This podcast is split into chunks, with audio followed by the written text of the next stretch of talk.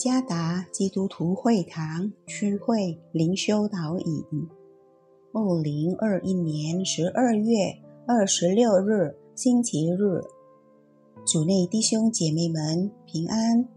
今天的灵修导引，我们要借着圣经以赛亚书四十三章第一到第七节来思想今天的主题：上帝同在之恩典。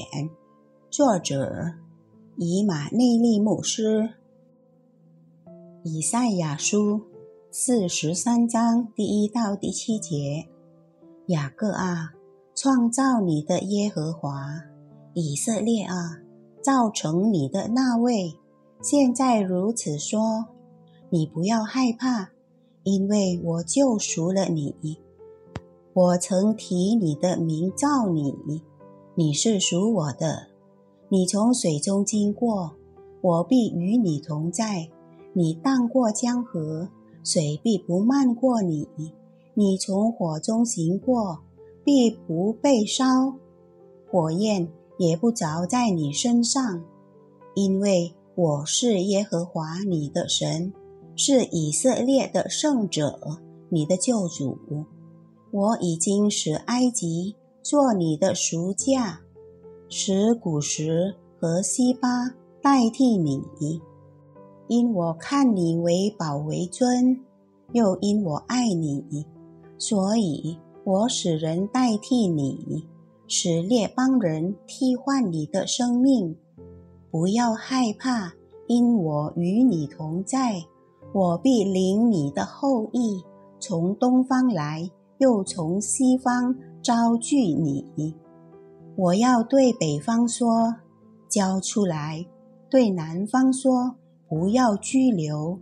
将我的粽子从远方带来，将我的众女从地极领回。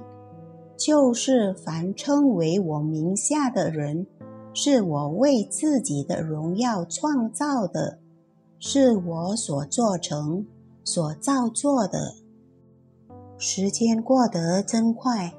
我们很快就要度过二零二一年，并进入二零二二年。我们在二零二一年的人生旅途，无论欢乐或悲伤，都已成为过去。然而，我们是否晓得生命真的很宝贵吗？如果仔细的思想我们的生命，我们往往认为。上帝所赐的只不过是平淡的生命，没有什么特别的，所以我们想做什么就做什么，不懂得感恩，常常发怨言，不遵守上帝的命令，甚至陷入最终。但上帝仍然爱我们，并与我们同在。在这节经文中。我们看到了上帝对以色列人的爱护和关怀。虽然他们背叛了上帝，但上帝一再的拯救和帮助，因为他们在上帝眼中是宝贵的。尽管以色列人得罪了上帝，但上帝对他们的爱从未改变。他爱的表达。因我看你为宝为尊，又因我爱你。第四节，上帝希望他的子民归向他，因为他们已经被救赎，并属上帝的。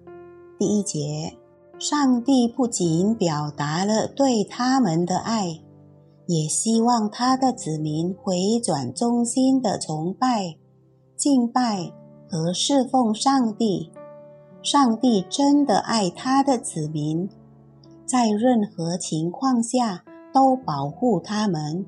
第二节，这样的保护证明了，在他眼中，他的子民真的很宝贵。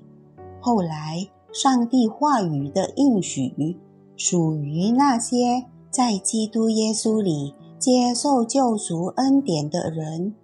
参看彼得前书第二章第十节。在上帝的眼中，我们是他透过基督在十字架上的牺牲而得到救赎的选民。我们所以宝贵和尊贵，不是因为我们好、良善、优美或伟大，而仅仅是因为上帝的爱。上帝的爱不仅使我们变得宝贵和尊贵，也要看顾和供应我们所需要的一切。因此，作为我们对上帝同在之恩典的感恩。将上帝置于生命中的首位是应该的。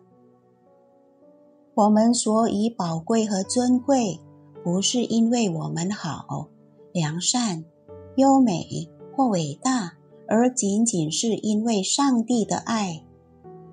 主耶稣赐福。